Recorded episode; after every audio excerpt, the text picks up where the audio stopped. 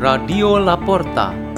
The door is open for you for the growing of knowledge and wisdom of God. Delivered by Margareth Sembiring from St. Francis of Assisi Church in Singapore and Wilson Tan from St. John Bosco Church in Jakarta, Indonesia.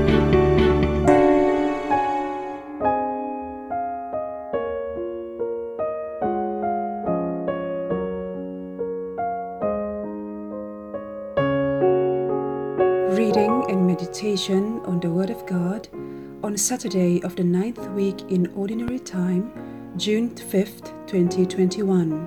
Memorial of Saint Boniface, Bishop and Martyr.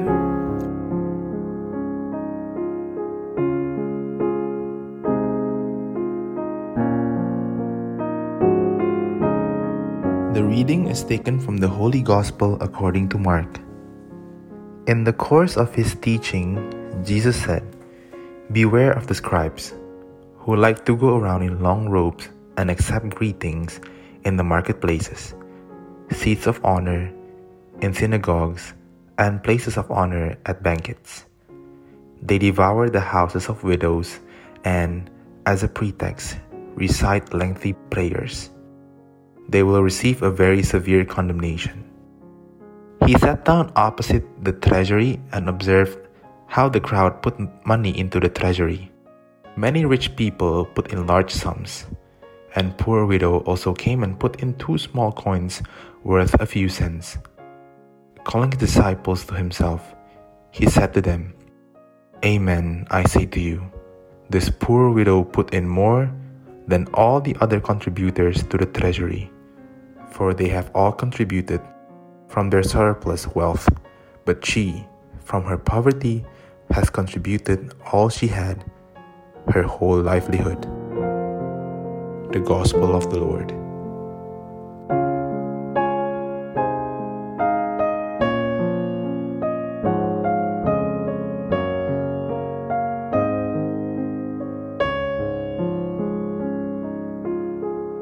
The theme for our meditation today is Religion of Ambition, Promotion, and Position.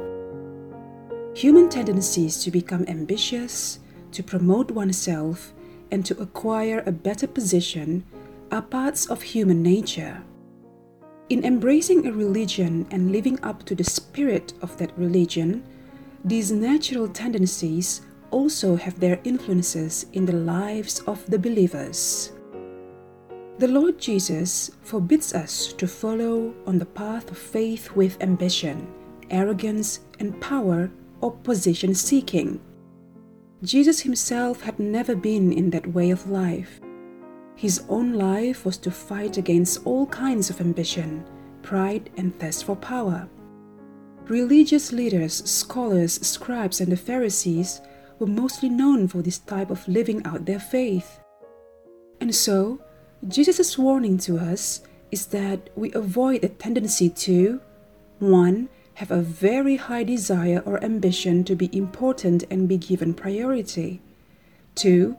Always want to promote oneself or to go for attention to be known and recognized and respected by others. 3. Always try to use position or power, even from the spiritual side, for personal gain only. The followers of Christ should work and serve in all humility for the good of others, rather than with ambitions to fulfill their personal interests. If we can reveal or promote the goodness of others and the pride of our common or universal values instead of mere self seeking interest, we actually practice what true love requires.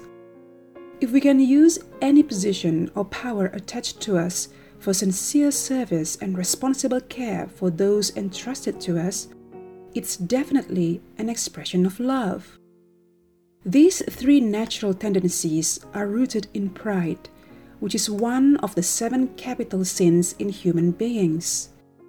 If this pride can be overcome, its subordinate sins will not develop either. There are two ways to remove pride according to today's reading's inspiration. This can be said as the way of martyrdom, as Saint Boniface had also done in his own way and time. First, we should always praise and thank God. Archangel Raphael had taught Tobit and his family to make this as a daily spiritual food. If we are busy with God and His works, we will forget to be proud and have ambitions for anything. The second is on the humility as a fundamental Christian way of life. Jesus gave us an example by presenting the poor widow who gave her contribution to the temple, which was very small but had a great value. Humility encourages us to do and offer something, even though simple but useful for others and our common good. Let us pray. In the name of the Father, and of the Son, and of the Holy Spirit. Amen. Bless and strengthen us, O Lord Jesus Christ, so that we may always be humble, simple, and sincere like you.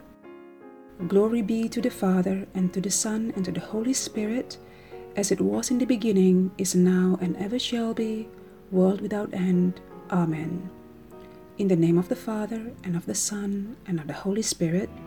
Amen. Radio La Porta. The door is open for you.